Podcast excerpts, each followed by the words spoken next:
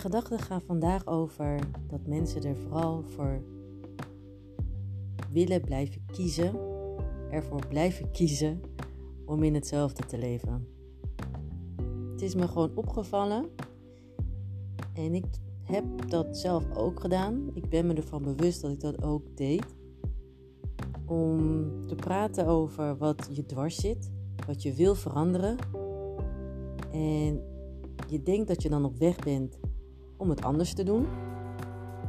Door niet meer met bepaalde mensen om te gaan of niet meer naar die baan te gaan, hè, een andere baan te zoeken, om je omgeving te veranderen. Je denkt dus dat je, nou, dat zo voor elkaar gaat krijgen en zo dat patroon gaat doorbreken en dan niet meer hoeft te klagen. Maar eigenlijk gebeurt er vrij weinig, want jij zelf bent gewoon niet veranderd. Jij bent gewoon dat patroon. Dus je gaat wel weer andere vriendschappen creëren. Je vindt wel een nieuwe baan. En guess what? Alles is precies hetzelfde als daarvoor. Wat ik altijd zeg: het poppetje is veranderd, maar het verhaal blijft hetzelfde. En nu in mijn omgeving, en eigenlijk dus wat ik zelf ook deed, dus het is helemaal geen verwijt, maar ik hoop wel dat, dat je er wat bewuster van wordt. Namelijk dat we altijd, met altijd, dan vergroot ik het, maar dat we praten over wat ons dwars zitten. En dan niet nagaan dat het een patroon is, of misschien weten we wel dat het een patroon is, maar het gewoon niet bij onszelf veranderen. Alsof je dus verslaafd bent. En wanneer je dan kritiek krijgt, van ja, hallo, dit verhaal hebben we vijf jaar geleden al besproken, of dit verhaal kennen we al, dan ben je dus niet een goede vriend omdat je niet de juiste steun verleent. Maar op een gegeven moment is het ook wel een beetje klaar. Als je namelijk constant hetzelfde verhaal hoort van iemand, constant hetzelfde. Ik moet je een voorbeeld geven, want anders praat ik natuurlijk wel heel erg vaag. Ik heb de laatste jaren, kun je zeggen, ja, gedate met mannen die echt, dat ging helemaal nergens over. het ging echt, dat, dat je denkt, nou oké, je gaat met elkaar op date, je vindt elkaar leuk, je gaat een paar maanden met elkaar om.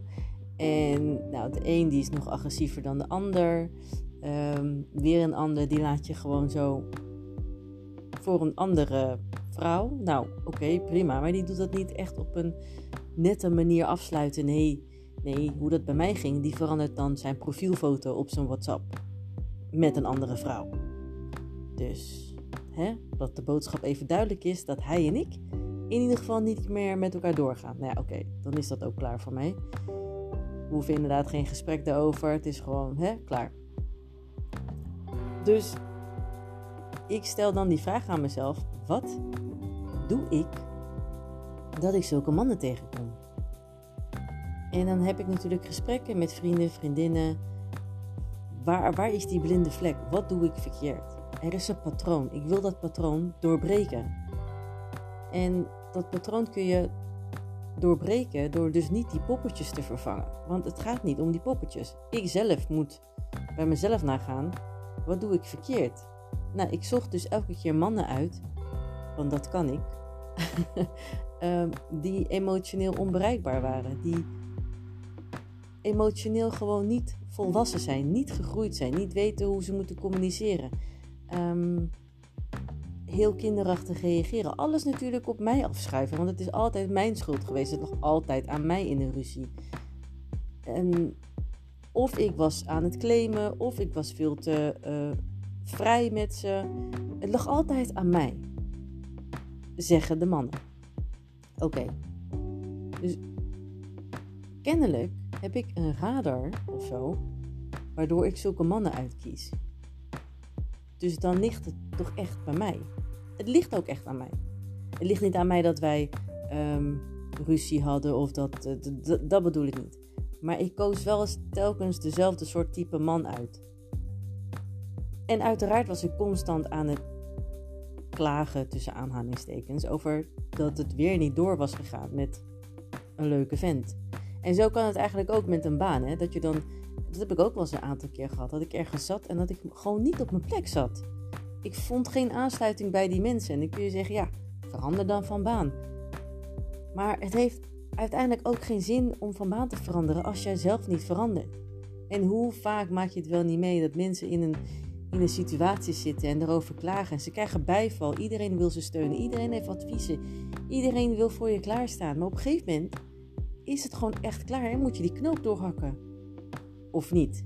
Of je blijft er dus lekker in zitten en je zorgt gewoon voor een ander soort vrienden, voor, voor een ander soort netwerk, ehm, waarbij je opnieuw je beklag kan doen over jouwzelfde situatie. En de oude garde, die gaat weg, omdat ze dat verhaal al honderd keer hebben gehoord. En eigenlijk ook telkens hetzelfde advies geven, namelijk dat je zelf moet veranderen. En hoe verander jij zelf dan? Dat is denk ik de hamvraag. De hamvraag is natuurlijk, hoe kan het dat ik zulke dates elke keer aantrok? Zulke mannen uh, het interessant vond. Mannen die eigenlijk niet klaar zijn voor een relatie. Dat komt natuurlijk, nou ja, natuurlijk, dat heeft wel heel veel onderzoek nodig gehad. Uh, maar het antwoord is heel simpel, want wat je aantrekt, dat ben je zelf ook. Ik was zelf niet emotioneel volwassen. Want doordat zij zo achterlijk deden, kon ik me daarachter verschuilen. En zeggen, kijk, zij deden ze achterlijk. Maar tegelijkertijd hoefde ik me niet kwetsbaar op te stellen. Daar had ik ook niet eens de tijd voor gekregen of de kans. Want het ontplooide zich niet, het ontwikkelde zich niet tot een echte gelijkwaardige relatie. Daardoor kon ik dus ook achter mijn muur blijven.